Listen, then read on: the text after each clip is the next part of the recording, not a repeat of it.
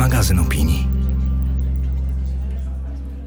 Słuchasz podcastu Premiera Pisma. Co miesiąc zapraszamy naszych autorów, czytelników i ekspertów z różnych dziedzin do dyskusji o kluczowych problemach współczesnego człowieka. Rozmawiamy o tym, co nas porusza, stawiamy trudne pytania i razem szukamy odpowiedzi. Partnerem wydarzenia jest kancelaria CMS. Podcast został nagrany w przestrzeni From Facebook. Dzień dobry Państwu. Nazywam się Piotr Nesterowicz. Jestem e, prezesem Fundacji Pismo i wydawcą miesięcznika Pismo, magazyn opinii. E, witam Państwa na pierwszej premierze Pisma. Premiera Pisma to jest e, takie cykliczne wydarzenie, które będziemy organizować co miesiąc. Zawsze przy okazji wydania nowego numeru Pisma.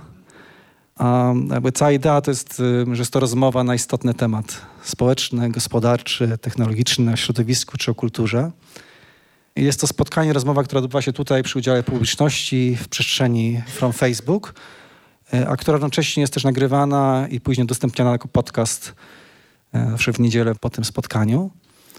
Partnerem premiery, dzięki któremu też jakby jesteśmy w stanie to organizować, jest kancelaria CMS. Nasze dzisiejsze spotkanie, tematem dzisiejszego spotkania, od którego zaczynamy cały cykl, to prawda w mediach, czyli skąd wiemy to, co wiemy, a całe spotkanie poprowadzi Karolina Głowacka, dziennikarka e, TOK FM. Już pozwolę Karolinie przedstawić gości i rozpocząć całe spotkanie. Bardzo dziękuję i witam wszystkich Państwa. Przepraszam z góry, że do niektórych każdy z nas będzie siedziało tyłem, ale tak sobie wymyśliliśmy tę przestrzeń, żeby nie być właśnie gdzieś tam na scenie daleko od Państwa, tylko możliwie jak najbliżej każdego, dlatego że na koniec naszego spotkania poprosimy o głos. Widzę tutaj przedstawicieli branży dziennikarskiej, różnych branż, więc bardzo liczymy na Państwa e, głos. A zatem są z nami Magdalena Kicińska, redaktorka naczelna miesięcznika Pismo, poetka. Jeszcze nie skończyłem. Poetka, autorka nagradzanych reportaży, książek reporterskich. Teraz proszę. Jeszcze raz, dobry wieczór. Jarosław Gugała, wieloletni dziennikarz, a także muzyk. W przyszłości dyplomata jako ambasador RP w Urugwaju, obecnie telewizja Polsat, Polsat News. Dobry wieczór. Dobry wieczór. Rafał Madajczek, arcyciekawa postać w kontekście naszego dzisiejszego tematu. E, twórca aż dziennika, jak samo sobie mówi, cytuję, jest prawdopodobnie jedynym dziennikarzem w kraju, który przyznaje się publicznie do pisania nieprawdziwych informacji. Brawo. Dobry.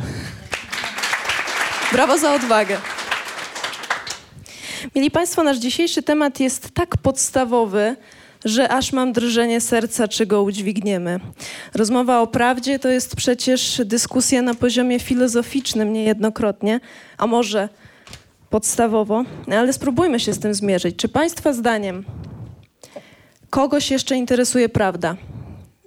Czy istnieje jedna prawda w tak spolaryzowanym społeczeństwie? Co to jest prawda? Zacznijmy od Ciebie, Magdo. Ode mnie? Mm.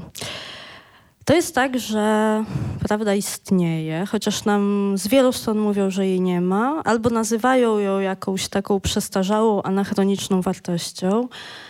E, czy jej potrzebujemy? I tak, i nie. Ona jest trudna. Znaczy, łatwiej jest jej unikać, wypierać różne e, wydarzenia, fakty, które są niewygodne, albo wymagają od nas jakiegoś wysiłku, trudu, żeby coś zmienić, żeby jakoś zareagować, więc kłamstwo, nieprawda, wypieranie, owijanie w bawełnę, tak jak jest nam pomocne na co dzień w różnych sytuacjach, tak bywa pomocne, a przede wszystkim bywa wykorzystywane w sferze publicznej. I wydaje mi się, że trochę zapomnieliśmy, że, że to, co stare i właśnie wymagające wysiłku jest ważne, jest niezbędne do tego, żeby się rozwijać. I to dotyczy zarówno społeczeństwa, jak i poszczególnych jego działów, jak media. I e, teraz oczywiście autopromocyjnie nie, e, nie zawaham się wspomnieć, że między innymi z tęsknoty za takim podejściem do prawdy powstało pismo. I też dzięki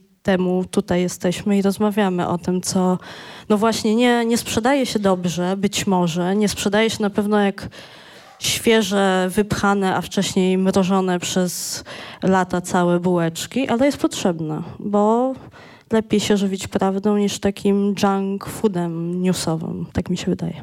To jest perspektywa miesięcznika. A jak to widzi dziennikarz telewizji informacyjnej?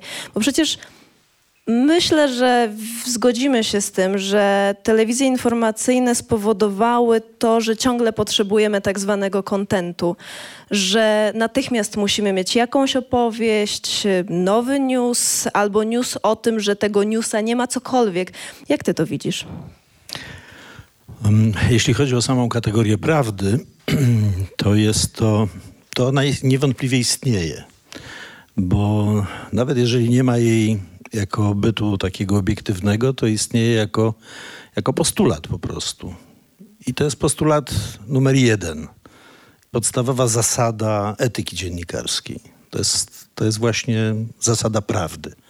Jak sobie pomyślałem, że z nią jest troszeczkę tak jak z Bogiem. Czy Bóg istnieje? Mnie no, ja, proszę ja, nie pytać, ja tak. nie wiem. No ale ja mam takie proste wytłumaczenie, dowód na to, że istnieje. No bo możliwe są tylko dwie sytuacje. Albo Bóg nas stworzył, tak jak wielu wierzy, albo myśmy go stworzyli, bo do czegoś go potrzebowaliśmy. W obu przypadkach Bóg istnieje. Dokładnie tak samo jest z prawdą. My po prostu tej prawdy potrzebujemy. Ona nie jest nam dana prawdopodobnie gdzieś tam z góry, chociaż od zarania cywilizacji ludzkiej ta kategoria istnieje. E, jest podstawą filozofii, jest podstawą w ogóle myślenia każdego człowieka, kategorią taką istotną. No i e, jest podstawą również naszego zawodu.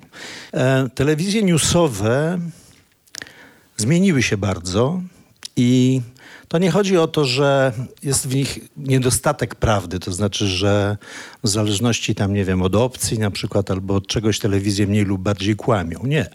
Natomiast ta prawda jest, y, występuje w coraz mniej czystej postaci. Jeżeli uznajemy za ideał przedstawianie po prostu podstawowej informacji, to coś takiego w zasadzie w mediach y, typu telewizja już nie istnieje, dlatego że to musi być opakowane w taki sposób, żeby zainteresowało odbiorców. I w związku z powyższym to jest, są bardzo często, żeby, żeby sprzedać prawdę, żeby, żeby ją przedstawić, musimy ją tak opakować w takie różne rzeczy, które są przeciwieństwem tej prawdy, bo wpływają na nią, bo wytwarzają kontekst wokół niej, bo są robione po to, żeby ta prawda była bardziej atrakcyjna. E, czyli pomagamy jej, żeby ona mogła wyjść na, e, na powierzchnię. E, wśród różnych kodeksów etycznych, których jest mnóstwo na całym świecie, jest taki kodeks, który ja bardzo lubię. To jest kodeks stworzony przez Jima Lerera. To był taki amerykański ankor e, e, telewizyjny, twórca e, PBS-u, amerykańskiej telewizji publicznej, ale też wykładowca dziennikarstwa, autor wielu książek. Jim Lehrer napisał takie swoje zasady etyczne i ostatnia z nich brzmi nie pracujesz w show biznesie. I to jest coś, co jest moim zdaniem bardzo istotną zasadą, jaka powinna towarzyszyć każdemu dziennikarzowi pracującemu w, w mediach informacyjnych. To znaczy, my nie jesteśmy tam po to, żeby robić tak zwany infotainment, żeby się wdzięczyć, żeby, żeby zabawiać ludzi tą prawdą, tą informacją. E, ponieważ o tej zasadzie u nas się nie mówi, w związku z powyższym ona jest bardzo często łamana, jako jedna z wielu łamanych zasad w tej dziedzinie. Rafał Madajczak, człowiek, który zawodowo kłamie, flirtujesz z tym kłamstwem, tworząc aż dziennik teraz już z całym zespołem, a jednocześnie niejednokrotnie zdarza się, że te nieprawdziwe informacje są, opowiadają dużo głębszą prawdę. Jak ty to robisz i jak właśnie podchodzisz do tej kategorii prawdy w, w internecie, gdzie, e, gdzie, gdzie ta kategoria się często właśnie rozmywa? Jadąc e, tutaj, kiedy byłem mniej zdenerwowany, nawet ukułem sobie jakąś wypowiedź na temat prawdy i świętego Tomasza, bo miałem rok, uczyłem się teologii u jezuitów. E, Jakoś ale... się tak bardzo nielaicko zrobiło w tym kącie. To ja będę bronić nie, kolorem ale... sukienki Nie, chociażby nie, nie, laickiej ale strony ja tej raczej debaty. z tych e, dziennikarskich e, takich ideałów bliższa jest mi jednak chyba rzetelność. To znaczy, gdybyśmy e, inaczej, w aż dzienniku kłamiemy, używamy fake newsa, satyry, często, żeby przekazać e, też czasem ważne, ważne rzeczy. Od razu też powiem, że ja pochodzę z internetu bardzo mocno. Jestem, pracuję w internecie od kilkunastu lat. Teraz jestem w Aż Dzienniku i też w na temat, czyli w takim normalniejszym trochę medium. Wcześniej byłem też w O2.pl, y, robiąc rzeczy bliskie Pudelkowi, więc jakby znam y, kuchnię tego typu też Czyli działań. infotainment klasyczny. Tak, ale gdybyśmy. Ja raczej tutaj bym mówił o dostosowywaniu do y, środków wyrazu do obecnych czasów. Gdybyśmy nie, do, nie mieli tego podejścia, że takiego trochę doganiania tej współczesności, do dzisiaj byśmy mieli w kościołach y, msze po łacinie. Więc trochę jednak trzeba, znaczy trzeba, no takie jest moje doświadczenie i e, musimy się nawet nie naginać, tylko dostosowywać i używam tego słowa bez, e, bez wartościowania, że tutaj nagle musimy schlebiać, e, schlebiać masą.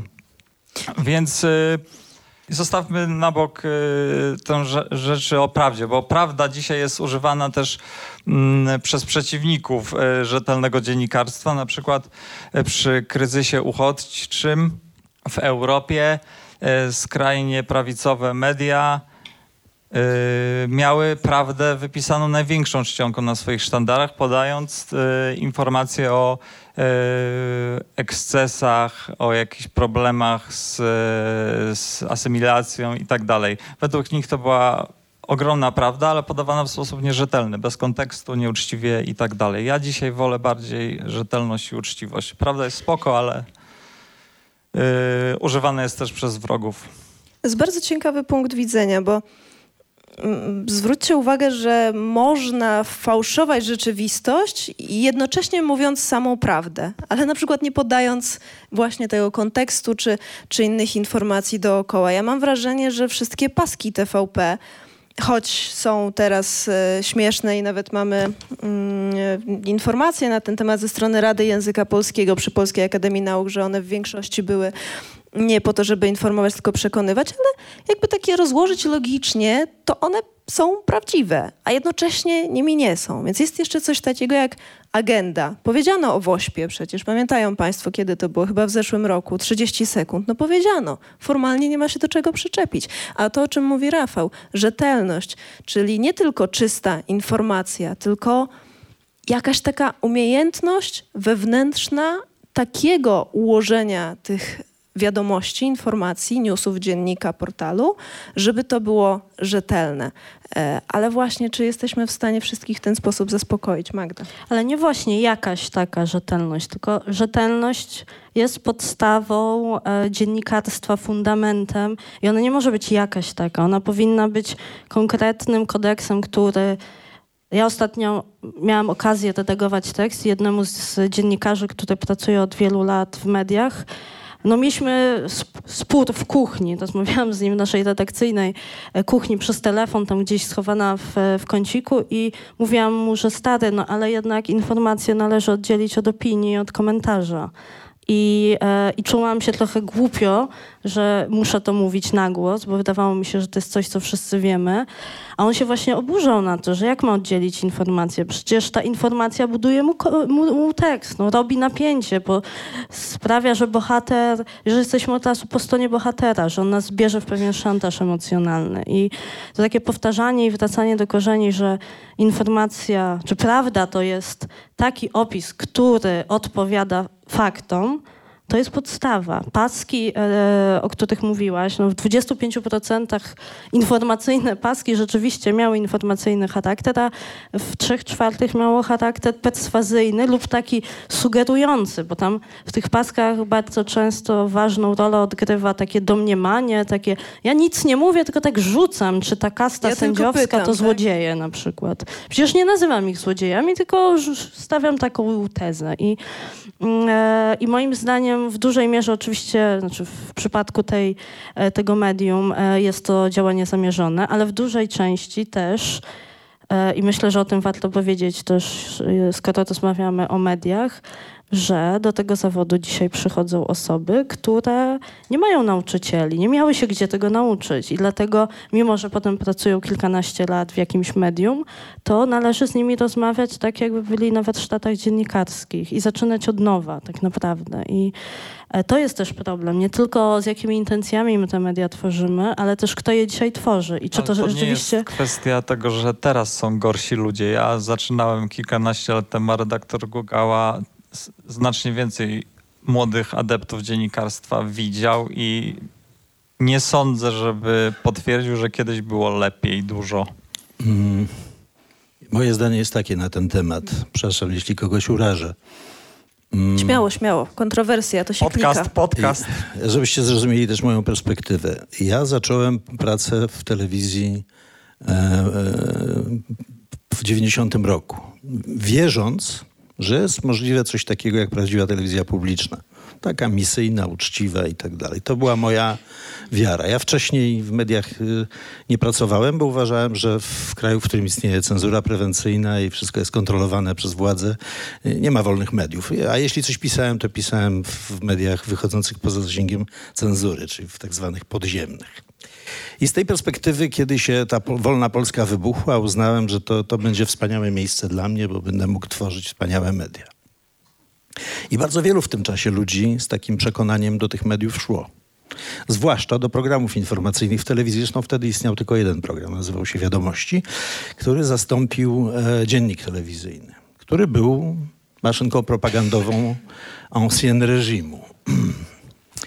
I myśmy w, tym, e, myśmy w tych wiadomościach e, wykuwali nowe zupełnie, nowe zupełnie mm, standardy, które miały zapanować. No, ale nie było wtedy konkurencji, więc to się wykuwało no, w taki sposób, e, powiedzmy sobie, specyficzny jak dla tamtych, tamtych czasów. Dzisiaj mogę jako anegdotę powiedzieć na przykład, że ponieważ w wiadomościach pracowali również dziennikarze, którzy wcześniej pracowali w dzienniku telewizyjnym, i oni nie powinni się pokazywać, ani ich nazwiska za bardzo nie powinny drażnić odbiorców, bo odbiorcy jeszcze coś pamiętali. Więc prowadzono zasadę ogólną, że nie można pokazywać twarzy, dziennikarz telewizyjny, reporter, który robi materiał, nie może, nie może pokazywać swojej twarzy i nie może też czytać swojego materiału. I wszystko czytali lektorzy. Ewentualnie się gdzieś tam pojawiało jakieś nazwisko, al- albo nawet nie to. Czyli była próba dążenia do obiektywizmu poprzez wypranie tego elementu autorskiego.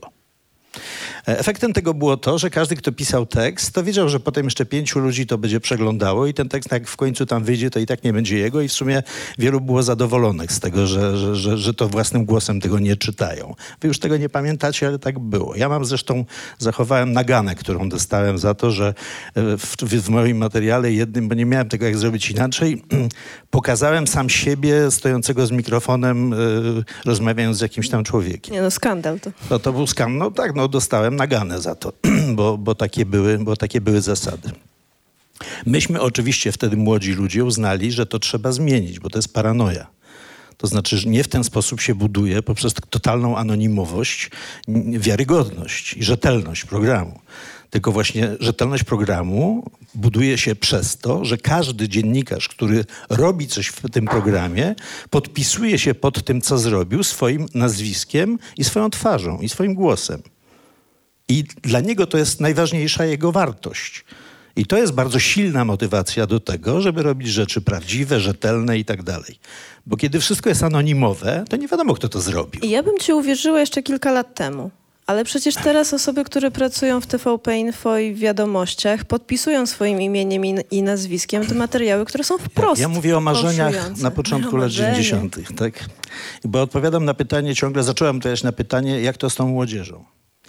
I potem bardzo szybko, w ciągu mniej więcej 10 lat, pojawiło się nowe pokolenie, które zaczęło być bardzo cyniczne i które w przeciwieństwie do pokolenia, z, z którego ja się wywodziłem, które było takie marzycielskie bardzo, myśmy byli po prostu idealistami. Nam się wydawało, że świat może być piękny, niekomercyjny, uczciwy, że po prostu same pozytywne wartości muszą zwyciężyć, jak w dobrym westernie.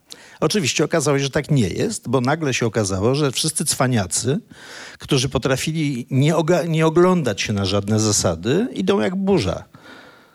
Awansują, zyskują e, nowe stanowiska i tak dalej. I wyrosło wtedy takie całe pokolenie ludzi kompletnie cynicznych, którzy absolutnie postanowili nie liczyć się z żadnymi ważny zasadami. moment. W takim razie, dlaczego te osoby, które były cyniczne, szły jak burza? Dlaczego awansowały? Z czego to się brało? Dlatego, że świat, w którym, w którym byliśmy, sprzyjał takim osobom. Nie ci, którzy zwodowali łajbę pod tytułem Wolna Polska, którzy strajkowali, którzy głodowali, walczyli, narażali się na kłopoty. Nie oni w większości, znaczy wielu z nich nie było beneficjentami przemian. Natomiast bardzo wielu takich, którzy po prostu nic takiego nie robili, ale w tym czasie po prostu zajmowali się no, swoimi sprawami i nie angażowali się w życie społeczne, tylko po prostu starali się zrobić, nie wiem, majątek albo właśnie karierę i tak dalej, wiedzieli, że można to osiągnąć zupełnie, zupełnie innymi metodami. I chcę teraz powiedzieć, i teraz to ostatnie pokolenie, teraz, bo ja ciągle zajęcia prowadzę tam na, ze studentami i muszę, muszę powiedzieć, że jestem bardzo pozytywnie e, zbudowany. Obecne pokolenie tych wczesnych dwudziestolatków to są znowu idealiści. Tak jakby, jakby się to wszystko za, zatoczyło koło i wróciło, wróciło do podstaw. To są w większości ludzie, którym zależy właśnie na ideałach, którzy, dla których nie ma już kwestii, czy prawda istnieje, czy rzetelność istnieje. Oni rozumieją, że absolutnie istnieje jako pewien postulat. Nawet jeżeli tej prawdy nie dogonimy, to gonić ją trzeba. I to jest oddaję głos, tylko właśnie chciałam się odnieść do tych kwestii pokoleniowych, bo mm, ja jestem z pokolenia współczesnych 30-latków i kiedy rozmawiam z moimi e, znajomymi z branży, to szczerze mówiąc bardziej narzekamy na was, na to pokolenie starsze, to Oczywiście, właśnie, które tak. wchodziło, zmieniało, bo, bo mam wrażenie, Ale to, to oczywiście ci, co nie jest wchodzili i personalne. zmieniali, słuchaj, to ja jestem jeden z pięciu dinozaurów, którzy jeszcze przetrwali. Jest was trochę więcej. Chodzi mi o to, że, że, że my, ci młodsi, narzekamy właśnie, że kiedyś się pokłóciliście o dziewczynę w latach 90. Ktoś do i to kogoś do tej pory jeszcze ktoś do przyszedł. kogoś na imieniny, a ten zna tego polityka, a tamtego nie zna. Oczywiście, że to jest uproszczenie, ale jak sobie tak szczerze rozmawiamy, to to moje pokolenie czasami ma pretensje właśnie do starszych kolegów, więc to tym cenniejsze, że możemy się teraz wymienić tym. Tak, No, ja jeszcze, bym nie jeszcze, chciała- Jeśli pozwolisz Mhm. pokoleniowo, powiem tak, Dobra. a, a propos tego... E, e, Zadałem kiedyś na ćwiczeniach ze studentami pytanie, co byście zrobili, jakbyście poszli na, do, do pracy w redakcji i szef kazałby wam zrobić coś, co uważacie za nieetyczne. I większość grupy powiedziała, no zrobilibyśmy to. Za moich czasów, jakby ktoś zadał takie pytanie, za przeproszeniem, to by dostał w dziób. Po prostu, byłby skreślony. Ja to zadałem, a oni mi wszyscy odpowiadają, że zrobiliby to. Ja mówię, a jak to byście to zrobili? Że to jest nieetyczne. No tak, ale dzisiaj trudno o robotę, a jakby nie zrobimy, to nas wyrzucą albo będą potem mobbingować. Ale jest też tak, znaczy ja się oczywiście nie mogę zgodzić na narrację o tym, że ach, ta dzisiejsza młodzież jest taka straszna. I rozumiem to, o czym ty mówisz, bo to jest perspektywa dziennikarska. Ale też jest tak, że jak się popatrzymy na ma- mapę mediów, no to największe polskie koncerny medialne, grupy medialne zostały stworzone przez osoby, których nie można nazwać przegranymi transformacji. I to oni ustawili warunki, w których czy Karolina, czy ja, zaczynając pracę w dziennikarstwie, nie mogłyśmy marzyć o, e, o tym, żeby pracować nad tekstem, żeby pojechać w delegację gdzieś, żeby dostać pieniądze za ten tekst w terminie, żeby w ogóle marzyć o etacie. E, no ja całe swoje życie dziennikarskie pracuję jako freelancerka. E, I miałam taki moment, a wtedy akurat na horyzoncie pojawił się pomysł pisma, kiedy sobie pomyślałam, że to nie może być tak, że mnie nie stać na to, żeby pojechać zrobić materiał, a nie stać mnie dlatego, że wydawca nie uznaje mojej pracy za ważną, bo media w dużej mierze, zwłaszcza media papierowe, stały się właściwie takim, taką kulą u nogi wielu koncernów, które no jakoś trzeba utrzymać, no bo no bo to tak prestiżowo, może no historia nas zobowiązuje, żeby były wartościowe programy też w telewizji, one są, tylko teatr telewizji jest to tam od drugiej 30. Ale jest teraz w internecie dostępny o każdej porze. Ale polecam internet też. to jest nasze pokolenie, a pokolenie dużo starsze i też Polska nie jest taka, że wszędzie internet dobrze działa, więc nie możemy tak myśleć, że tam to, co wartościowe jest w internecie, bo, bo, bo osiem- powinno być dużo bardziej 80% dostępne. Polaków już ma dostęp do internetu.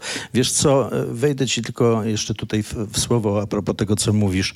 Ja jak poszedłem do pracy w telewizji, to do, poszedłem tam e, przez konkurs, bo nie było innej w ogóle możliwości dla takiego kogoś jak ja. Było 700 osób się zgłosiło i przyjęli nas kilka. Hmm? I po tym konkursie, jak mnie tam zakwalifikowali, ja chciałem pracować w redakcji zagranicznej, bo ja byłem po studiach filologicznych i dla mnie to było naturalne środowisko, jak mi się wydawało.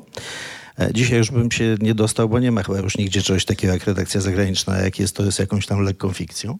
W każdym razie e, ja przez cały pierwszy rok, żeby móc pracować w tej telewizji, a pracowałem, zaczynałem często, nie wiem, o godzinie 5 rano, a wychodziłem po 23, to e, brałem pieniądze, które kiedyś, nie wiem, zarobiłem na jakichś saksach na zachodzie i przez cały rok sprzedawałem te dolary, żeby móc się utrzymać, siebie i swoją rodzinę. Przez pierwszy cały rok. Nie, po prostu, bo tak nędznie mi w tym wszystkim płacono. Ale ja to rozumiem, bo Więc ja ci to też nie nie, tak, odbieram tylko twojego twoje doświadczenia. czegoś takiego doznało. Ja ci nie odbieram twojego doświadczenia. Mówię raczej o wydawcach, o tych, którzy stworzyli ten system. Wiesz, możemy się tak licytować. Mi tutaj, tygo... Nie, nie, kiedy zaczynałam pracę, mówię, że- Tak. tygodnik wprost mi po roku zaczął płacić w doładowaniach telefonu na przykład. Jest tutaj, widziałam na sali przedstawicieli Związku e, Zawodowego Dziennikarzy Freelancerów, którzy od jakiegoś czasu domagają się od różnych wydawców tego, żeby zapewnili im godne warunki pracy po to, żeby mogły powstawać rzetelne teksty, po to, żeby można je było oprzeć na dokumentacji, a nie na zlepce informacji z papu. I chyba, jeżeli chodzi o zagrożenia, no, y, które stoją przed rzetelnością dziennikarską, to właśnie takie. Nie, nie, nie to, że my nie wiemy, czy nasze pokolenie, czy twoje pokolenie, czy pokolenie młodsze od nas, co to jest prawda, jak wygląda rzetelność, tylko oczywiście idee są ważne, ale żeby je wykonywać, trzeba też mieć warunki. No, byt kształtuje świadomość też w tym sensie i, i w tej działce. Zastanówmy się, proponuję, trochę nad odbiorcami i rolą dziennikarza w stosunku do odbiorców, cały czas mając z tyłu głowy te kategorie prawdy. Czy dziennikarz jest od tego, żeby się dostosowywać do tak zwanego swojego obozu, swoich odbiorców, bo jeśli nie, to zostanie skrytykowany na mediach społecznościowych albo nie wrócą do niego na portal. U mnie w Radiu Tok FM wystarczy, że ktokolwiek odrobinę wyjdzie poza świat, tak jak część słuchaczy sobie wyobraża i natychmiast dostaje e, bęcki, że jak tak można symetrysta, to tamto przecież tego pisowca trzeba cisnąć, a jak pani może o coś zapytać platformersa? To jest regularne, ponieważ w oczach części słuchaczy jesteśmy ustawieni dokładnie e, w ten sposób. No i teraz moje pytanie jest takie, czy dziennikarz ma się dostosowywać do swoich odbiorców, czy ma ich wybijać ze strefy komfortu, czy ma tylko informować, czy ma jednak przekonywać, bo wie więcej, bo przeczytał, przeczytała więcej, więc sucha informacja jest niewystarczająca. To jest bardzo e, ważne pytanie, też przyznam dla mnie e, osobiście, bo zajmuję się różnymi takimi tematami związanymi z ruchem antyszczepionkowym, wszelkimi alternatywnymi, pseudomedycznymi tematami i wtedy występuję w roli przekonującej. Drodzy Państwo, to jest złe, ale może to nie jest moja rola, nie wiem. Ja Rafał. odpowiem od strony praktycznej.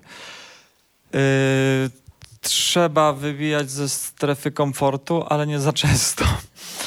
Bo mm, to jest takie trochę balansowanie. To jest yy, jak na desce surfingowej. Nigdy nie balansowałem na desce surfingowej, ale tak jakoś sobie to wyobrażam. Płyniemy na jakiejś fali łatwo z niej zlecieć. To znaczy nie, to nie sztuka mieć rację i być słuchanym przez nikogo.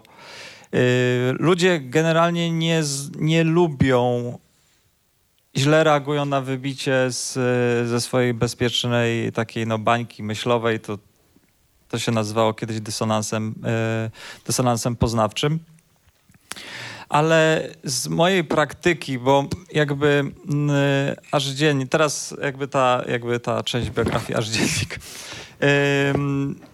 Tam zawsze była rozrywka, ale też była jakaś taka agenda. To znaczy na pewne rzeczy się denerwowałem, które chciałem przekazać. Na przykład jesteśmy bardzo, yy, bardzo walczymy o sprawy równości yy, płci na przykład i tak dalej. E, też walczymy z tym, żeby że z odruchami stadnymi również po tak zwanej naszej liberalnej stronie. Na przykład wczoraj dobra, lepsza, demokratyczna, lepiej wykształcona, poruszająca się w świecie cyfrowym znacznie bieglej strona urządziła lincz internetowy na radnym PiS, którego posądzono tym, że jest płatnym trolem Prawa i Sprawiedliwości. Normalnie. Posądzono, można... a nie udowodniono. Tak, rozumiem. tak, tak. To znaczy, no, przez 12 godzin facet był winny, później się okazało, że nie i wszyscy zrobili, a sorry, i dzisiaj też było już coś innego. E, ale jakby też e, i tutaj musimy reagować. To znaczy, musimy reagować, ale nie, na, nie codziennie. To znaczy, codziennie wieszcząc y, y, y, albo koniec świata, albo y, biadoląc, że Polacy są do bani, nie czytają, nie szczepią i tak dalej, y, stracimy odbiorców. To jest taki no, flirt z odbiorcą trochę, również tym takim wyrobionym, który we wszystkich badaniach powie, że on chce mieć prawdę prosto w oczy. Ale w praktyce 20% y, prosto w oczy, a 80% takie lawirowanie, trochę nie pod publiczkę, tylko takie no, utrzymywanie w takim trochę dobrym nastroju, żeby zachować sobie te 20% zasobów, żeby wtedy, kiedy będzie czas i naprawdę będą ważne rzeczy, żeby przywalić i nie stracić ich. Rafał mówi o takim realpolitik, mam wrażenie. To jest... No tak, no oczywiście, że tak jest. No, znaczy, yy, to, Tomasz Lis kiedyś opowiadał, że on najlepszy program, jego najlepszy program, najlepsze wydanie faktów, jakie zrobił w życiu, czy tam faktów, czy wydarzeń, bo później był w wydarzeniach, było jednocześnie najgorzej oglądanym w historii tego programu.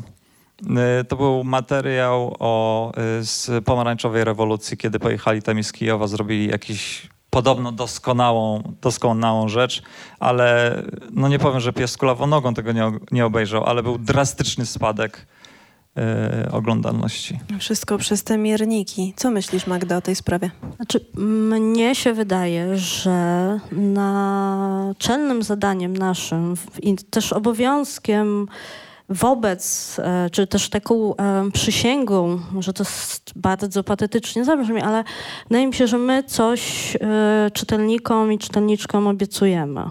Kiedy tworzyliśmy pismo i co miesiąc, kiedy wypuszczamy do druku kolejny numer. To znaczy my im Obiecujemy, że teksty, które przeczytają, będą oparte na pogłębionej dokumentacji, będzie tam czas, autor czy autorka, który przygotowywał owy tekst, miał czas do namysłu.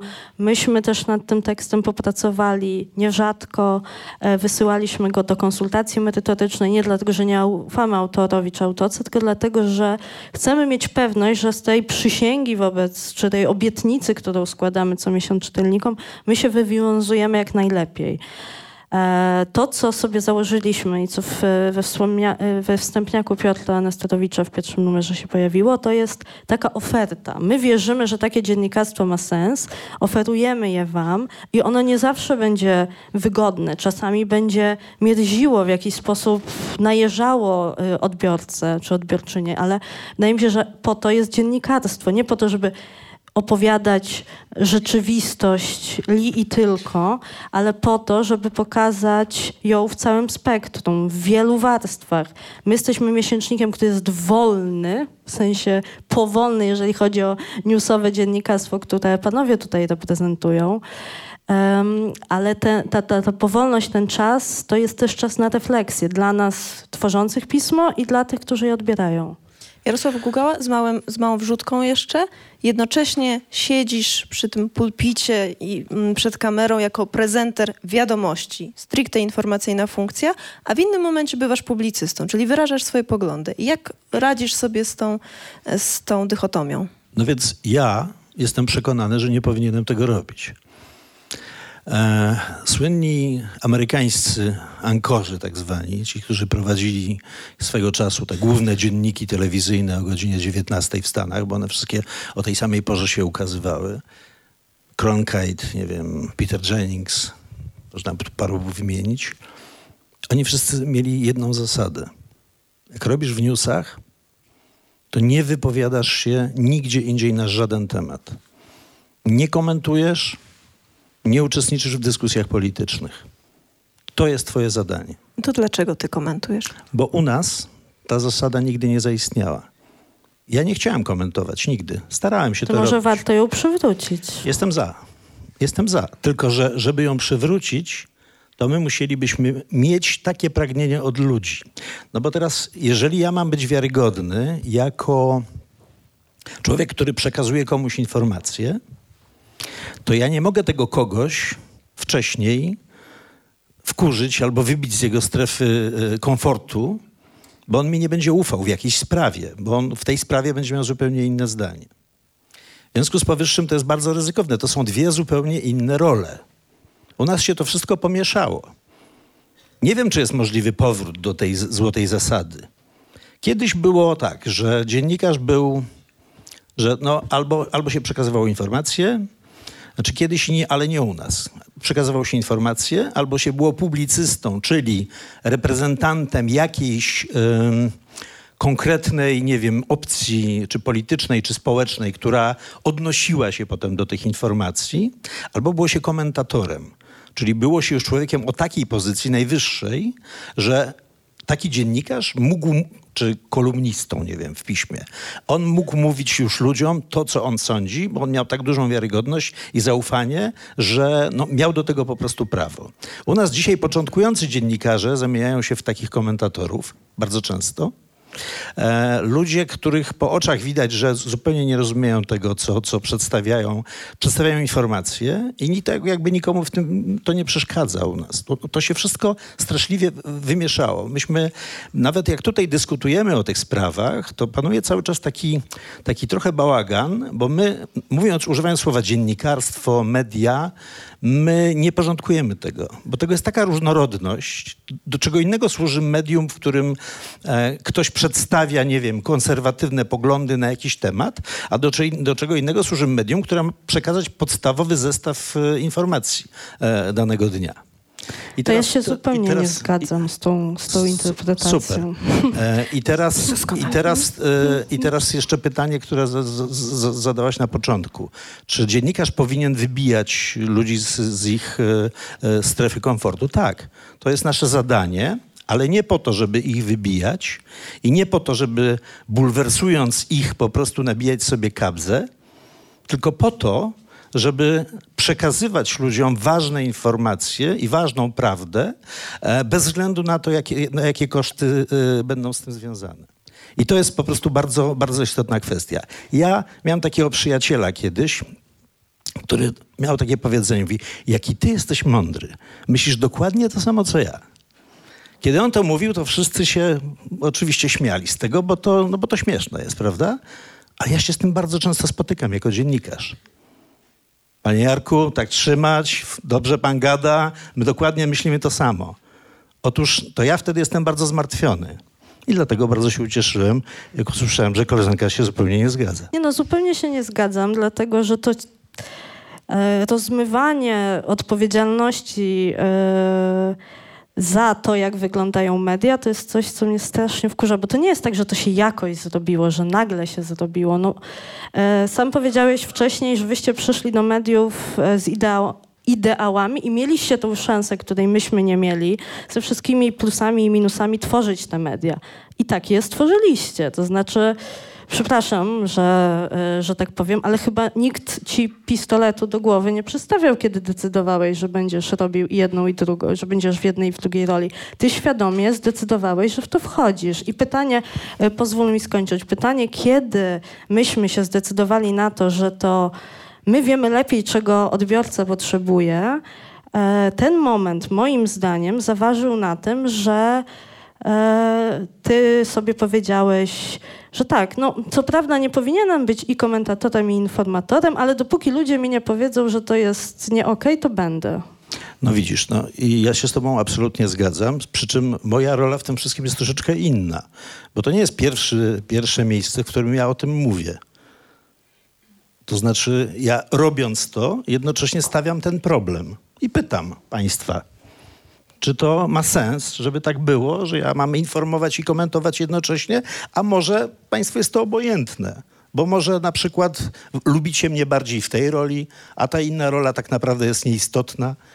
Ale to czy, czy No, dziennikarz jako przykład- przedstawiciel e, zawodu zaufania publicznego nie powinien sam tej decyzji podjąć i się jej trzymać? Bo, bo to jest trochę tak, jakbyś mówił odbiorcom, że jak mnie wolicie w tej roli, to będę w tej występował. Jak mnie wolicie w tamtej, a, a wcześniej sam mówiłeś o tej dziesiątej zasadzie, że to nie jest show biznes. No tak, ja, ja, w show biznesie staram się, że tak powiem, w mediach nie, nie robić. To znaczy, nawet jak jestem komentatorem, to ja rozumiem tę swoją rolę jako możliwość tak naprawdę też poinformowania tylko pełniejszego w jakiejś tam konfrontacji z innymi op- o, o, opiniami. Więc w, pod tym, w tym sensie nie uważam tego za, za, za rzecz sprzeczną. Po prostu. Natomiast jest to po prostu inna forma przekazywania tych informacji, ponieważ ja, jako komentator, nie mam ustalonych wcześniej jakichś, nie wiem, reguł, poglądów, które będę sprzedawał i staram się maksymalizować to, co jest dla mnie w mediach najistotniejsze, czyli właśnie dążenie do prawdy. I to i w jednym i w drugim przypadku jest dla mnie podstawową zasadą. Teraz tak, jeśli chodzi o, o, o powiedzmy pretensje do, do, do tego, że się nie udało, no z jednej strony się nie udało, z drugiej strony no, w porównaniu z tym, co było w latach 80. i wcześniej, to się udało. Media w Polsce są wspaniałe.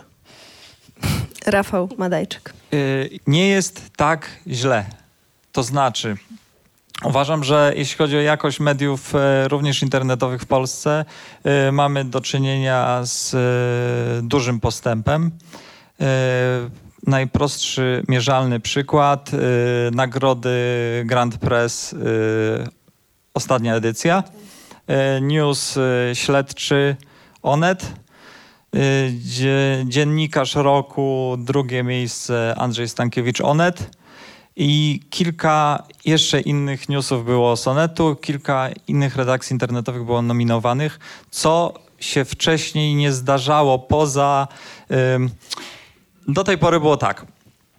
Grand Pressy były dla, głównie dla mediów e, drukowanych, trochę telewizji, trochę radia, a gdzieś tam z tyłu przy dziecięcym stoliku był Grand Press Digital, gdzie tam takim trzem, jakimś gostkom e, coś damy, dając im jednocześnie do zrozumienia, że nie są jakby jednymi z nas. E, to się właśnie zmienia na naszych oczach i naprawdę e, Onet to akurat jest dobry przykład. Jakaś straszna reklama, po prostu tak jest. Onet y, ujawnił y, straszne zachowania księdza Stryczka. Onet wyciągnął, że na taśmach jest y, również y, premier Morawiecki. Onet wyciągnął też y, pierwsze informacje, że Amerykanie nie do końca nas lubią z powodu ustawy o IPN i o stosunkach y, żydowskich. A to są tylko trzy przykłady doty- dotyczące jednej redakcji. Y, Po, do, jeszcze jedna sprawa. Piękny medialny startup internetowy Outriders.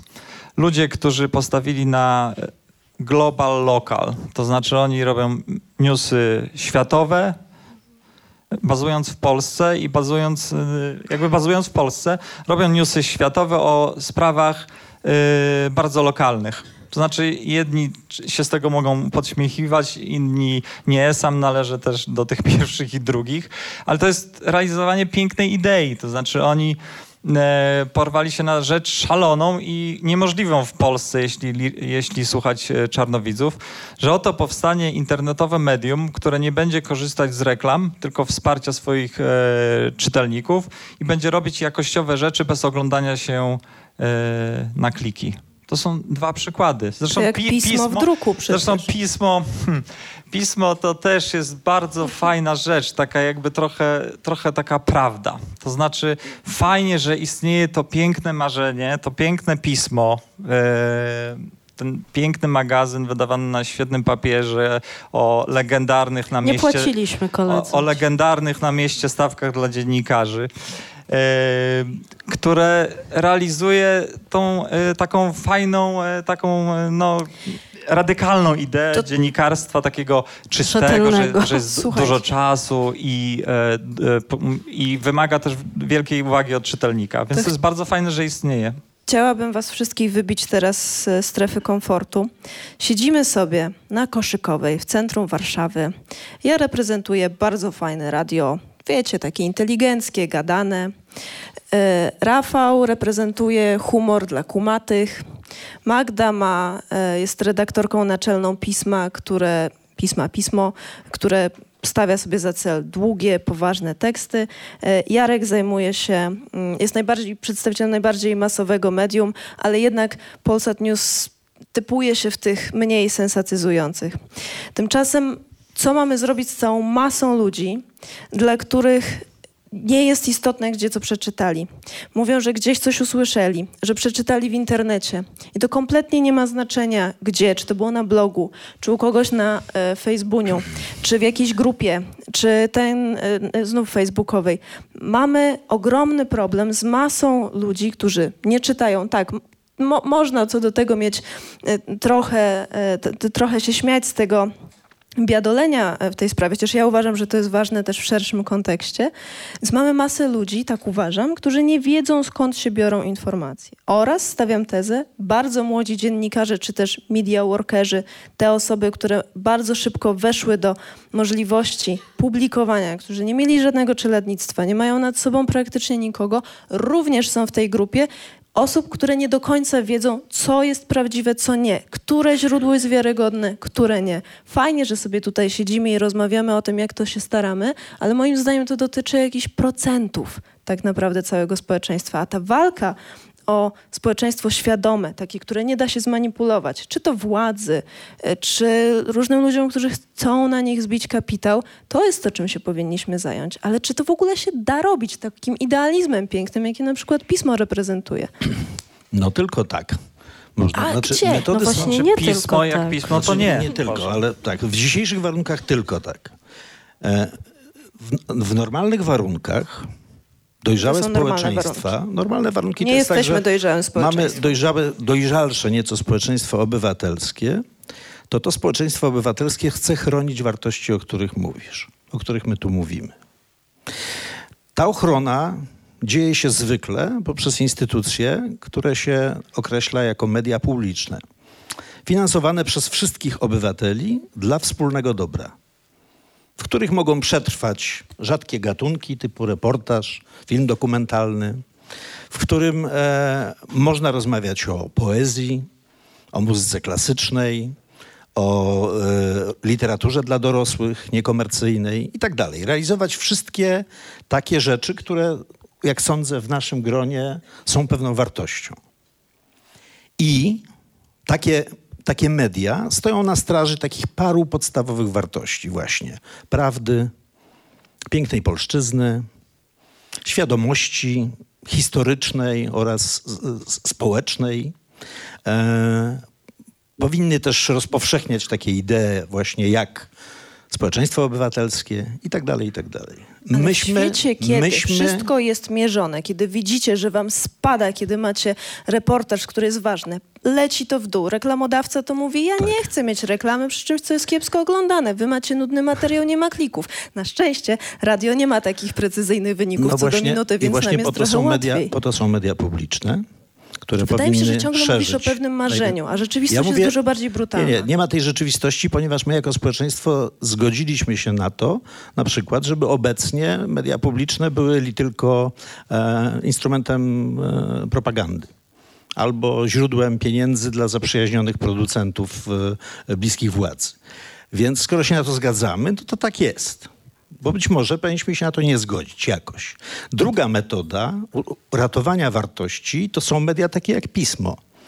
To znaczy, to są To jest media. niszowa rzecz. To są Choćbyście me- się nie wiem jak tak, starali, tak, tak, nie tak, będzie ale nie, milionowych takich nakładów. niż może być wiele. To są media, które mimo tej komercjalizacji i upolitycznienia, one istnieją dlatego, że istnieją ludzie, którzy chcą takich mediów. I proponuje im się te media i oni to kupują. I nawet chcą za to dać jakieś pieniądze, wspomóc, zaangażować się. I dzięki temu te media mogą istnieć. I teraz jeszcze oczywiście, że to będzie zawsze nisza. to nie będą jakieś wielkie masy. Przeciętny Polak chodzi do Filharmonii raz na 123 lata. Mm, takie są dane statystyczne. Raz na E, niepodległość. teraz ja zawsze marzyłem o tym, żeby. E, e, zawsze marzyłem o tym, żeby jak najwięcej ludzi chodziło do filharmonii, ale jak sobie uświadomiłem, że raz na 123 lata, to doszedłem do wniosku, czyli to musi jakaś wąska grupa chodzić. I pomyślałem sobie, że to okej jest jednak. Dlatego, że rozwijanie cukierków w czasie koncertu, e, odbieranie telefonów komórkowych e, w, w czasie ci- cichszych momentów e, filharmonii i, inne rzeczy, rozmowy, bicie brawa w przerwach Oj, między, teraz między, między tak i tak dalej, i tak dalej. To wszystko wskazuje na to, że zbytnia masowość w tej sprawie powoduje, że dostają to ludzie do tego nieprzygotowani, którzy jeszcze do tego nie dojrzeli.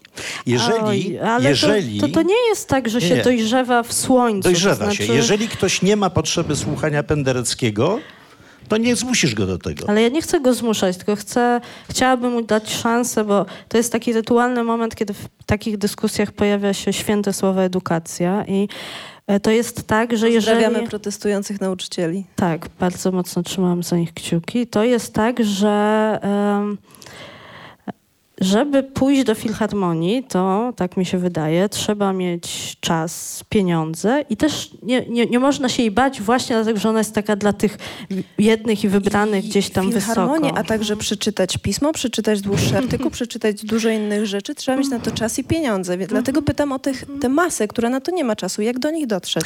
Wiesz, że prowadzę regularnie dosyć warsztaty dziennikarskie z młodzieżą gimnazjalną, teraz wczesnostudencką też czasami mi się zdarza.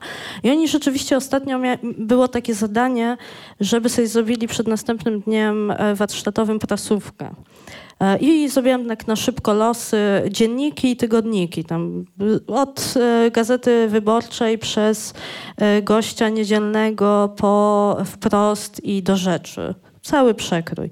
No i pierwszy problem się pojawił, kiedy dziewczyna wylosowała Gazetę Wyborczą i powiedziała, że no będzie właśnie kłopot, bo ona nie, bo tam trzeba płacić, żeby mieć dostęp.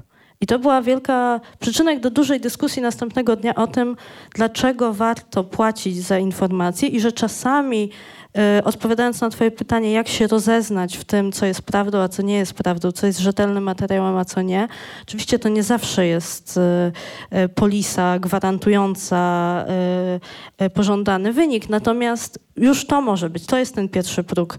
Za wiarygodność, za rzetelność, za dobrą ofertę medialną, jeżeli użyjemy rynkowego języka, trzeba zapłacić. Druga, druga rzecz to jest taka, że w, już nie pamiętam w którym tygodniku bardzo dużo tekstów było zupełnie niepodpisanych, nawet, e, nawet inicjałem. W związku z tym ja właśnie a propos tego, o czym mówiłeś na początku, zapytałam, to w takim razie no masz taką informację wyrwaną, czy, a tu masz informację podpisaną imieniem, nazwiskiem. Czy to na przykład nie sugeruje ci, że jeżeli ktoś za tym stoi, jakiś człowiek, to, to może to jest dużo bardziej wiarygodne. Potem mamy kwestię tego, że no też podstawy znowu. Sprawdź informacje więcej niż jednym źródle. To jest przekleństwo Facebooka, pewnie nie jedna na, z osób tu obecnych się na to nabrała. Ktoś umarł i przeżywamy, umarł ten albo umarł tamten, po czym się okazuje, że wystarczy sprawdzić w innym źródle, że ta osoba żyje, ale już się nakręcamy, bo nasz znajomy, któremu ufamy, e, to podał. I to są wszystko takie rzeczy, które są nowe, dlatego że kiedyś ta komunikacja była jednak jednostronna. Dowiadywaliśmy się raz dziennie informacji O 19, o tak. 19, a teraz każdy może po pierwsze być odbiorcą, ale też może być nadawcą, więc się gubimy. I to jest po prostu nowa umiejętność, którą musimy nabywać i która powinna się wzorem krajów zachodnich e, też odbywać w szkole, w edukacji, bo, bo dzieciaki teraz nie wiedzą, a wszystkie już mają smartfony w szkołach i mogą, już nie słuchają, co pani mówi, nie, nie sprawdzają w książce, tylko tak szybko wiki albo pierwszy wynik, który im wyskoczy. Niedawno Timothy Snyder, e, pytany w Gazecie Wyborczej o, o to, co w tych czasach powinien zrobić tak zwany inteligent, czyli odbiorca mediów, e, jako jeden z punktów e, wybrał tak, powinien sobie obowiązkowo znaleźć takie medium na, medium, na którym mu zależy i je wspierać finansowo. Hmm? I to Tak, jest to jest- proste. To, to trzeba jest rozpowszechniać kwestia tę świadomość, takiego- żeby ludzie wiedzieli, że to trzeba zrobić. Tak, Już. to jest kwestia. Zależy ci, żeby wychodziła ta gazeta? Daj jej 5 złotych. Ja się przyznam, że yy, nie czytam numerów pisma od deski do deski. Uz- No nie wiem, co z tym zrobimy. naprawdę. I powiedzmy, że to jest pewne i tak łagodne określenie, ale To tym bardziej czasami, czasami. Ale no naprawdę mam, zdaje się, prawie, prawie wszystkie numery. To jest właśnie to, o czym mówi y, Jarosław Gugała. Dzisiaj naprawdę y, mamy jako ludzie określani czasami jako inteligenci trochę więcej zadań niż y, biadolenie. To znaczy biadolenie już było.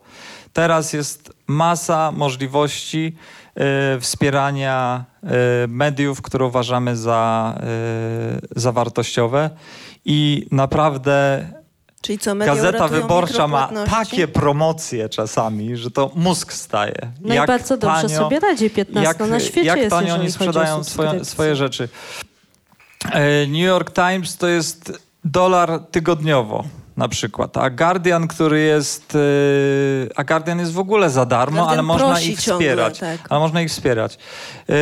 To oczywiście jest tutaj, no, nie będę się wypierał, że to jest w dużej mierze wina y, portali i serwisów, w którym też pracuję i zawsze pracowałem, że wyedukował młode, wchodzące, jakby czytające media, do, uczące się czytać media pokolenia, że wszystko jest, y, wszystko jest za darmo. Y, ale znowu idzie ku dobremu. To znaczy idzie ku dobremu. Yy, Outriders, startup medialny, zebrał od ludzi 80 tysięcy złotych tak po prostu w tydzień.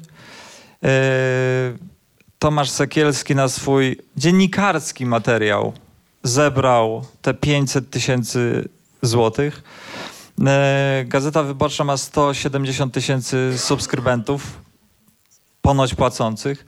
Yy, I nawet w takim serwisie jak na temat, który zawsze był, yy, zawsze był za darmo, nawet u nas pojawiła się refleksja, że powinniśmy edukować swoich własnych czytelników, że za dobre treści warto płacić i postaraliśmy się w tym celu o grant od Google'a, który dostaliśmy teraz na właśnie projekt taki trochę edukacyjny, te, trochę yy, edukacyjny w kierunku no jakby nauczenia czytelników, że za dobre rzeczy warto współpłacić. My, jako że jesteśmy zawsze byliśmy za darmo i jesteśmy internet, A to- internetem, to nie możemy mówić zamykamy wszystko, płaćcie nam 30 zł miesięcznie, tylko my będziemy tak raczej takie małe, małe szczeniaczki tam tak proszący wzrok robić i raczej będziemy mówić A to szalenie ciekawe. dodajcie nam do tego naszego materiału trochę tam ten i może coś To będzie bardzo fajnego. ciekawe, bo ten sam Google protestuje przeciwko dyrektywie prawno-autorskiej, że No to oczywiście, a e, w, I my Facebook jesteśmy w również. przestrzeni by Facebook. No, e, jedne sile wręcz albo instytucji lub korporacji, która obok Google jest oskarżana o e, zabijanie mediów. I zobaczycie, co się stanie, jak Facebook uzna w pewnym momencie, że bardziej mu się opłaca stworzyć redakcje w różnych krajach i samemu kolportować własne treści i dopiero wszystkie media dostaną e, bęcki, jak nie będą kolportowane przez Facebooka, który, który dla wielu osób jest pewnego rodzaju prasówką. Moglibyśmy jeszcze ten wątek rozwijać, ale jest wśród nas, e, jesteśmy wśród znakomitej publiczności. Jestem przekonana, że wśród Państwa są takie wątki, na które nawet nie wpadłam, więc bardzo bym chciała, żeby Państwo teraz się włączyli. Dziękuję. Ja się nazywam Piotr Stasiak. E, chyba pociągnę pani wątek, mianowicie e, o tym Facebooku, no bo jesteśmy jakby nie było e, w przestrzeni, którą organizuje największa firma medialna w tym kraju, tak? Tylko akurat e, jej właścicielem jest spółka, która jest w innym kraju z kolei i tak dalej. Natomiast chcę, za, chcę zadać e, pytanie, czy to nie jest, jest, taki, jest, takie, jest takie słowo brytyjskie, brzydkie, nazywa się gatekeepers, tak? Przez wiele lat to, co trafiało do publicznego obiegu, wcześniej było filtrowane przez jakiegoś redaktora, przez jakiegoś dziennikarza. E, I ten proces był długotrwały. Ja, ja przez 20 lat byłem dziennikarzem, zaczynałem w świetnych redakcjach. Jak przyniosłem coś złego, coś za słabego, coś, co było bez kontekstu, albo coś, co, było, co wprowadzało e, użytko, czytelnika w błąd, to byłem wyrzucony za drzwi, miałem to poprawić. I teraz tego gatekeepera już nie ma, prawda? Y, Każdy może być nadawcą, w związku z tym być może to jest jakiś problem, że, że, że te, te ogniwo pośrednie, które filtrowało te informacje, okej, wielka korporacja medialna powie, o, cenzurowało, ale jednak y, też sprawdzało, żeby, że ja, ja nie mówię, że kiedyś było idealnie, tak? Ale sporo z bzdur, które teraz trafiają do obiegu, kiedyś po prostu nie trafiały. Ja to rozszerzę, że nawet te niedoskonałe materiały również mogą trafić do różnych portali, bo przecież potrzebujemy co chwila nowego artykułu, bo strona musi się e, odświeżać. Co Państwo sądzą o tym? Znaczy głosie? to zjawisko jest e, wynikiem, e, wynikiem tego, że wciąż najlepszym sposobem na pozyskiwanie pieniędzy w internecie jest tak zwana klikalność. I w związku z powyższym najskuteczniejszą polityką uzyskiwania dochodu jest e, zwiększanie tej klikalności. E, I weźmy tak, takie tak zwane blogosfery, które zaczęły się tworzyć, ja to tak nazywam, to, to, to jest mój termin. Czyli te wszystkie portale, na których każdy się może zapisać i mieć tam swojego bloga. Tam nikt nikogo nie weryfikuje, tam można pisać totalne bzdury. E, I e, żeby e, no, każdy, nawet największy idiota, ma jakiś paru swoich kolegów, mniej lub bardziej, nie wiem, nieodpowiedzialnych, którzy chętnie zobaczą, co, co on akurat tam pisze.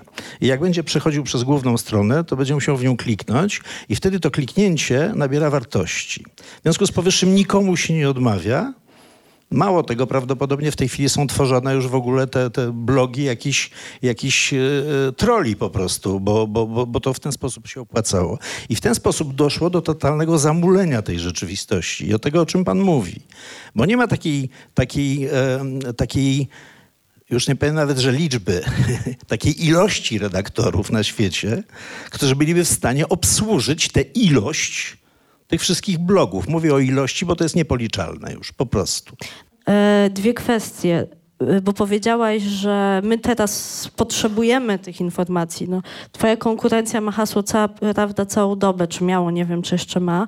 A ja się zastanawiam, czy naprawdę potrzebujemy. Czy, czy my musimy minuta po minucie dostawać nowych bodźców, czy, czy to już jest taka trochę tresura, że my jesteśmy przyzwyczajeni, że jak się nic nie dzieje, nic, niczego nie wiemy, sprawdzamy w telefonie, że nie ma powiadomienia, to czujemy niepo, niepokój. Czy to jest wtórne, A czy to jest, właśnie skutek, zawsze czy to przyczyna. pytanie, kto jest przyczyną, tak? Tak, To ale, mhm, ale odpowiadając e, e, Piotrowi Stasiakowi na jego pytanie, to ja mam trochę takie rozdarcie w sobie między duszą anarchosyndykalistki a zwolenniczki rządów elit. I, i, i, i, i tutaj w tym temacie to akurat ta, ta druga dusza jest głośniejsza, bo, bo tak, no ci gatekeeperzy, czyli strażnicy bram, czyli autorytety, czyli ludzie z wiedzą, Em, oczywiście byli lepsi, gorsi, bardziej merytoryczni, mniej. Natomiast ktoś brał odpowiedzialność za to, co trafia dalej, a dzisiaj tę odpowiedzialność czasami bierze, znaczy czasami, coraz częściej bierze algorytm, a e, też bardzo często nikt tej odpowiedzialności nie bierze, nikt nawet nie czyta tych tekstów. Nie ma korekty, nie ma redaktora. Ktoś coś zebrał, gdzieś przeczytał i puszcza dalej i nie interesuje się skąd to przyszło, więc, więc tak moim zdaniem ten powrót jest możliwy, gdybyśmy uwierzyli, że autorytety i elity to nie są straszni ludzie, którzy występują przeciwko, przeciwko masom, tylko potrzebne nam osoby, żeby w skomplikowanym świecie, czy instytucje czasami, się odnaleźć i też odsiewać to, co ważne od Ale tego, co są nieważne. takie osoby. To są redaktorzy naczelni ukazujących się gazet, to znaczy i redaktorzy naczelni e, programów informacyjnych. Sama jesteś też e, redaktorką e, naczelną. To nie jest tak, że Jedną nagle... z po- trzech w Polsce, bo że raczej nagle- panowie są redaktorami. No niestety Forbes Woman nie ma w, Ja mam kobiety na, na czele, ale była szansa na czwartą. E, No, jeszcze nie co- dojrzeli, bo jest 2019 rok dopiero do tego. No w Polsce trochę jest wcześniej. Proszę krótko, bo chciałabym... No, ale chcę tylko powiedzieć, że nie jest tak, że y, mamy pustynię i że nie ma gdzie się zwrócić. Są y, media y, wiarygodne i tyle. No tam trzeba patrzeć. To znaczy, no, To nie jest, nie jest tak, że nagle za, zostaliśmy zalani po prostu potokiem y, jednoosobowych y, redakcji dyletantów, a wszystko inne z, y, zniknęło. Nadal naprawdę mamy świetne gazety codzienne, już nie, nie wchodząc w jakieś inne, inne, inne branże. Gdybyś chciała, może sobie kupić trzy codziennie. Więc to Czytam. nie Jest jest cała tak grupa w internecie, która powie, że gatekeeper może być kupiony, więc ja wolę tutaj sobie wykopać to, co uważam, że jest dobre. E, To jedna rzecz. Mam, jeśli, jeśli mogę się odnieść, a o drugiej zapomniałam, więc oddam głos. Dobry wieczór, ja będę siedział. E, Wojciech Engelking. Mam nadzieję, że nie wygram tą uwagą jakiegoś konkursu na mm, cynika wieczoru, ale tutaj mm, się pojawiało bardzo często słowo inteligencja spośród bardzo wielu wątków i to, co mi się spodobało, to to, że usłyszałem tak, tak, takie dwie cechy inteligencji, które mo- moim zdaniem w krajach środkowo- i wschodnioeuropejskich definiują. Czyli budowanie e, samy, samych siebie, swojej pozycji w odniesieniu do ludu. I to z jednej strony było budowanie się, które tutaj zaprezentował redaktor Gugała o tych strasznych Polakach, którzy nie chodzą do filharmonii i tam szeleszczą papierkami, a z drugiej strony to drugie, czyli o jakimś takim, to, czyli to pobrzmiało, które było w pytaniu, jak dotrzeć do tych ludzi, tak? Natomiast e, moja uwaga jest, brzmi w ten sposób, a, a po co do nich docierać? To znaczy, być może oni wcale tego nie chcą, bo... Ty, Ja myślę, że to jest założenie Tylko, tylko, tylko dokończę, czekaj, bo z, z, z tego co wiem, pismo powstawało jako polski odpowiednik New Yorkera, tak? Znaczy, czy uwa- naprawdę uważacie, że e, redaktorzy New Yorkera naprawdę ich obchodzi, czy czyta ich ktoś poza Greenwich Village i paroma ładnymi rezydencjami na tym i drugim wybrzeżu? Podejrzewam, że nie. Więc e, może właśnie należałoby się raczej zamknąć w swojej bańce i cieszyć się, że robicie fajną robotę dla tej bańki. Bo kiedy pismo powstawało, to pamiętam nadzieję, że nie, nie zdradzę żadnego wielkiego sekretu początków tej redakcji, to kiedy e, niepracująca tutaj już Agnieszka Rozner mnie zaprosiła do współpracy i do napisania e, eseju dla was, to mi powiedziała, że parę osób uznało, że fajnie by było zrobić polskiego New Yorkera, bo brakuje nam, szczególnie nam, znaczy powiedziała o jakiejś grupie znajomych e, raczej majętnych takiego medium, więc oni wyłożyli na to odpowiednie środki finansowe i gazeta dla nich i jakby robiona przez nich lub też zatrudnionych przez nich ludzi powstała i tyle. Jakaś misja posłannictwa to nie wiem, no, według mnie to niepotrzebne kompletnie. Wiesz, no pismo tworzą osoby z bardzo różnych środowisk, grup, różnym statusie materialnym i, i, i te osoby, które tworzą pismo, cały nasz zespół, ale przede wszystkim no wy, autorzy i autorki, e, to jest tak bardzo szeroka grupa i ja się bardzo z tego cieszę, bo kiedy sobie myślę, że robimy pismo dla nas, czyli dla tych, którzy nam zaufali, to są wśród nich osoby zupełnie też innej e, bańki niż ta, o której mówisz, która tak, tak było, zainicjowała powstanie tej gazety, ale nie po to, żebyśmy się w swoim sosie taplali i żeby nam było przyjemnie tylko i wyłącznie, tylko żeby właśnie rozszerzać to, co jest w ogóle wartością dziennikarstwa, czyli rzetelność, poza tylko tych, którzy już to wiedzą, już to mają, bo sami prenumerują Atlantika, Guardiana Weekly, New Yorkera właśnie, a nie mieli czegoś takiego po polsku szerzej i też o nas, więc Ja myślę, że ignorowanie mas jest wysoce niebezpieczne, szczególnie kiedy żyjemy w demokracji, a jakby każdy ma właśnie głos. nie, znaczy to taka ja- to- rozdata to- to między ja anarchosyndykalistką, więc... Wieczorem każdy jest elitą, no. Po kolacji Bardzo każdy proszę. jest konserwatywny. E, Tomasz Kapliński, ja jestem e, spoza branży dziennikarskiej, jestem adwokatem, ale też fakt, że jestem adwokatem, to też jakby tutaj e, też można byłoby dużo powiedzieć właśnie o prawdzie, o prawdzie materialnej, prawdzie formalnej i tak dalej, i tak. Ale ja to, co chciałbym zwrócić uwagę, to na to, jak szybko w tej całej dyskusji, w tym, w tym dzisiejszym naszym spotkaniu zeszliśmy. Oprócz pierwszych inicjujących wypowiedzi, zeszliśmy w ogóle z tematu prawdy. A zaczęliśmy zupełnie o czym innym mówić. Zaczęliśmy mówić o dobrych tekstach, a nie o prawdziwych tekstach.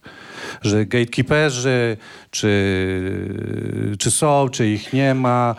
e, że właśnie kryterium tego, czy zostałem wyrzucony za drzwi, to było to, czy przyniosłem dobry tekst. Ale proszę zwrócić uwagę, to pewnie gdzieś tam może głębiej jeszcze było, może w zamyśle, że, że może jeszcze przy okazji ten tekst nie był prawdziwy ale ten redaktor naczelny nie wywalał za drzwi, dlatego że nie napisałeś nieprawdziwy tekst, tylko napisałeś niedobry tekst. Ale to sugeruje I... pan, że zaczęliśmy robić sobie tutaj teraz środowiskową dyskusyjkę? Nie, nie, nie, nie. Trochę, trochę tak nie, jak w podstawówce, tak, trochę tak jak w podstawówce, jak, y, jak, jak nam nauczyciele mówili, jak piszesz rozprawkę, to cały czas patrz na tytuł tej rozprawki i tak dalej. Więc może przypomnijmy. Prawda w mediach, skąd wiemy to, co wiemy. I może ja tutaj, zadając już pytanie z kolei, chętnie bym się dowiedział, jak na przykład e, redaktor naczelna właśnie poszukuje tej, e, tej prawdy. Ja y, taką mam słabość, że czytam do rzeczy, czytam w sieci, oglądam wiadomości. Kiedy mam okazję, nie mam telewizora od wielu lat, ale kiedy tylko jestem gdzieś, gdzie jest TVP Info, to oglądam.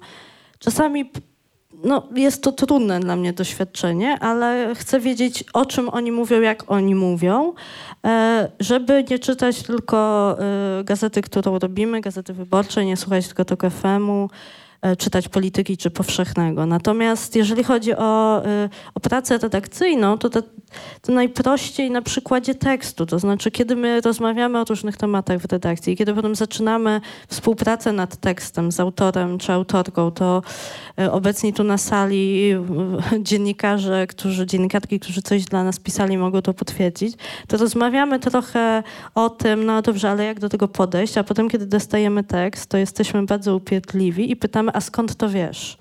I stosujemy taką zasadę, która też, i to jest ciekawe, budzi często pewne zdziwienie, najłagodniej mówiąc, czy opór e, wśród e, autorów, autorek, ale mniejszy albo żaden u tych, którzy piszą za granicą, bo tam to jest standard. Czyli, że jak ktoś podaje jakąś informację, to pytamy o źródło. Prosimy wręcz o taki zapis z, z przypisami w tekście. One potem oczywiście w druku e, są usuwane, ale sprawdzamy. I, e, I to, co się nazywa fact-checkingiem u nas e, w redakcji ma miejsce, łącznie nawet z odsłuchiwaniem, co miało miejsce przy tekście Przemysława Kozłowskiego z tego numeru o, o tym, jak w Nowym Porcie e, e, przemysł truje mieszkańców e, tej dzielnicy Gdańska, łącznie z odsłuchiwaniem nagrań rozmowy dziennikarza z, z jednym z bohaterów, żeby się upewnić, że, za, że to, co jest zapisane, rzeczywiście wybrzmiało, bo są to dosyć mocne oskarżenia. Więc na pytanie, jak ja jako redaktorka y, buduję w sobie tę pewność, że to, co publikujemy, jest prawdą, to właśnie tak. Znaczy sprawdzając, weryfikując źródła, zderzając je ze sobą. I mamy ostatni głos, więc uwaga, będzie to już rodzaj podsumowania, odpowiedzialność. To, to może to nie jest źle, że ja się teraz odzywam. Ja się nazywam Katarzyna Czajka-Kominiarczuk i pracuję w tygodniku Polityka. I pracuję w dziale, który zanikł w większości redakcji. Ja pracuję w dziale dokumentacji. E, jestem osobą, która razem z moimi koleżankami z działu, jest nastroje, jesteśmy trzy właściwie, e, feministycznie, e, czytamy wszystkie gazety. To znaczy od gościa niedzielnego po nie. Czytamy je dla dziennikarzy. Wycinamy najważniejsze wycinki z najważniejszych, na najważniejsze tematy. Mamy, jak i pen, ściany obstawione teczkami. Kiedy zaczynałam pracę, kiedy nam czegoś brakowało, mogliśmy iść do archiwum, podobnego archiwum wycinków Gazety Wyborczej, Dzisiaj tego archiwum nie ma. Czasem, kiedy szukamy bardzo starych wycinków, możemy iść do archiwum e, telewizji, ale to archiwum jest w, e, w, archiwum akt nowych, ponieważ telewizja przestała prowadzić archiwum wycinków. Przestała prowadzić żywe archiwum tego, co jest. E, założyły redakcje e, portali, redakcje gazet, że wszystko jest w internecie. E, w związku z tym każdy dobiera to, co chce zabrać z internetu, a nie to, co może dostać od grupy osób, które zajmują się profesjonalnie sprawdzaniem, skąd wiemy to, co wiemy.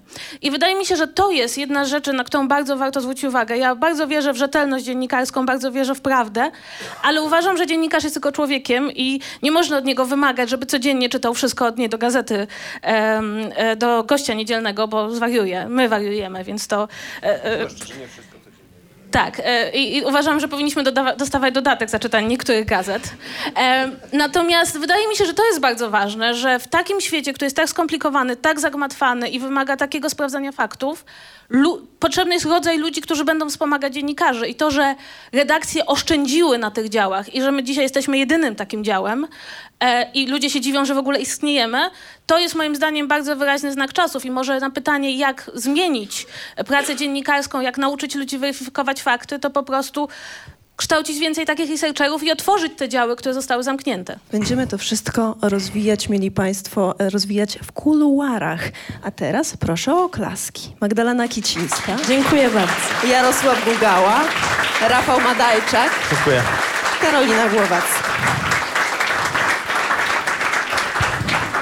Jeszcze ogłoszenia. Otóż e, za miesiąc kolejna debata pisma przy okazji premiery 8 maja będzie dotyczyć autorytetów oraz wiary. Temat będzie brzmiał trudno nie wierzyć w nic, gdzie szukać oparcia we współczesnym świecie. Dziękuję Państwu bardzo.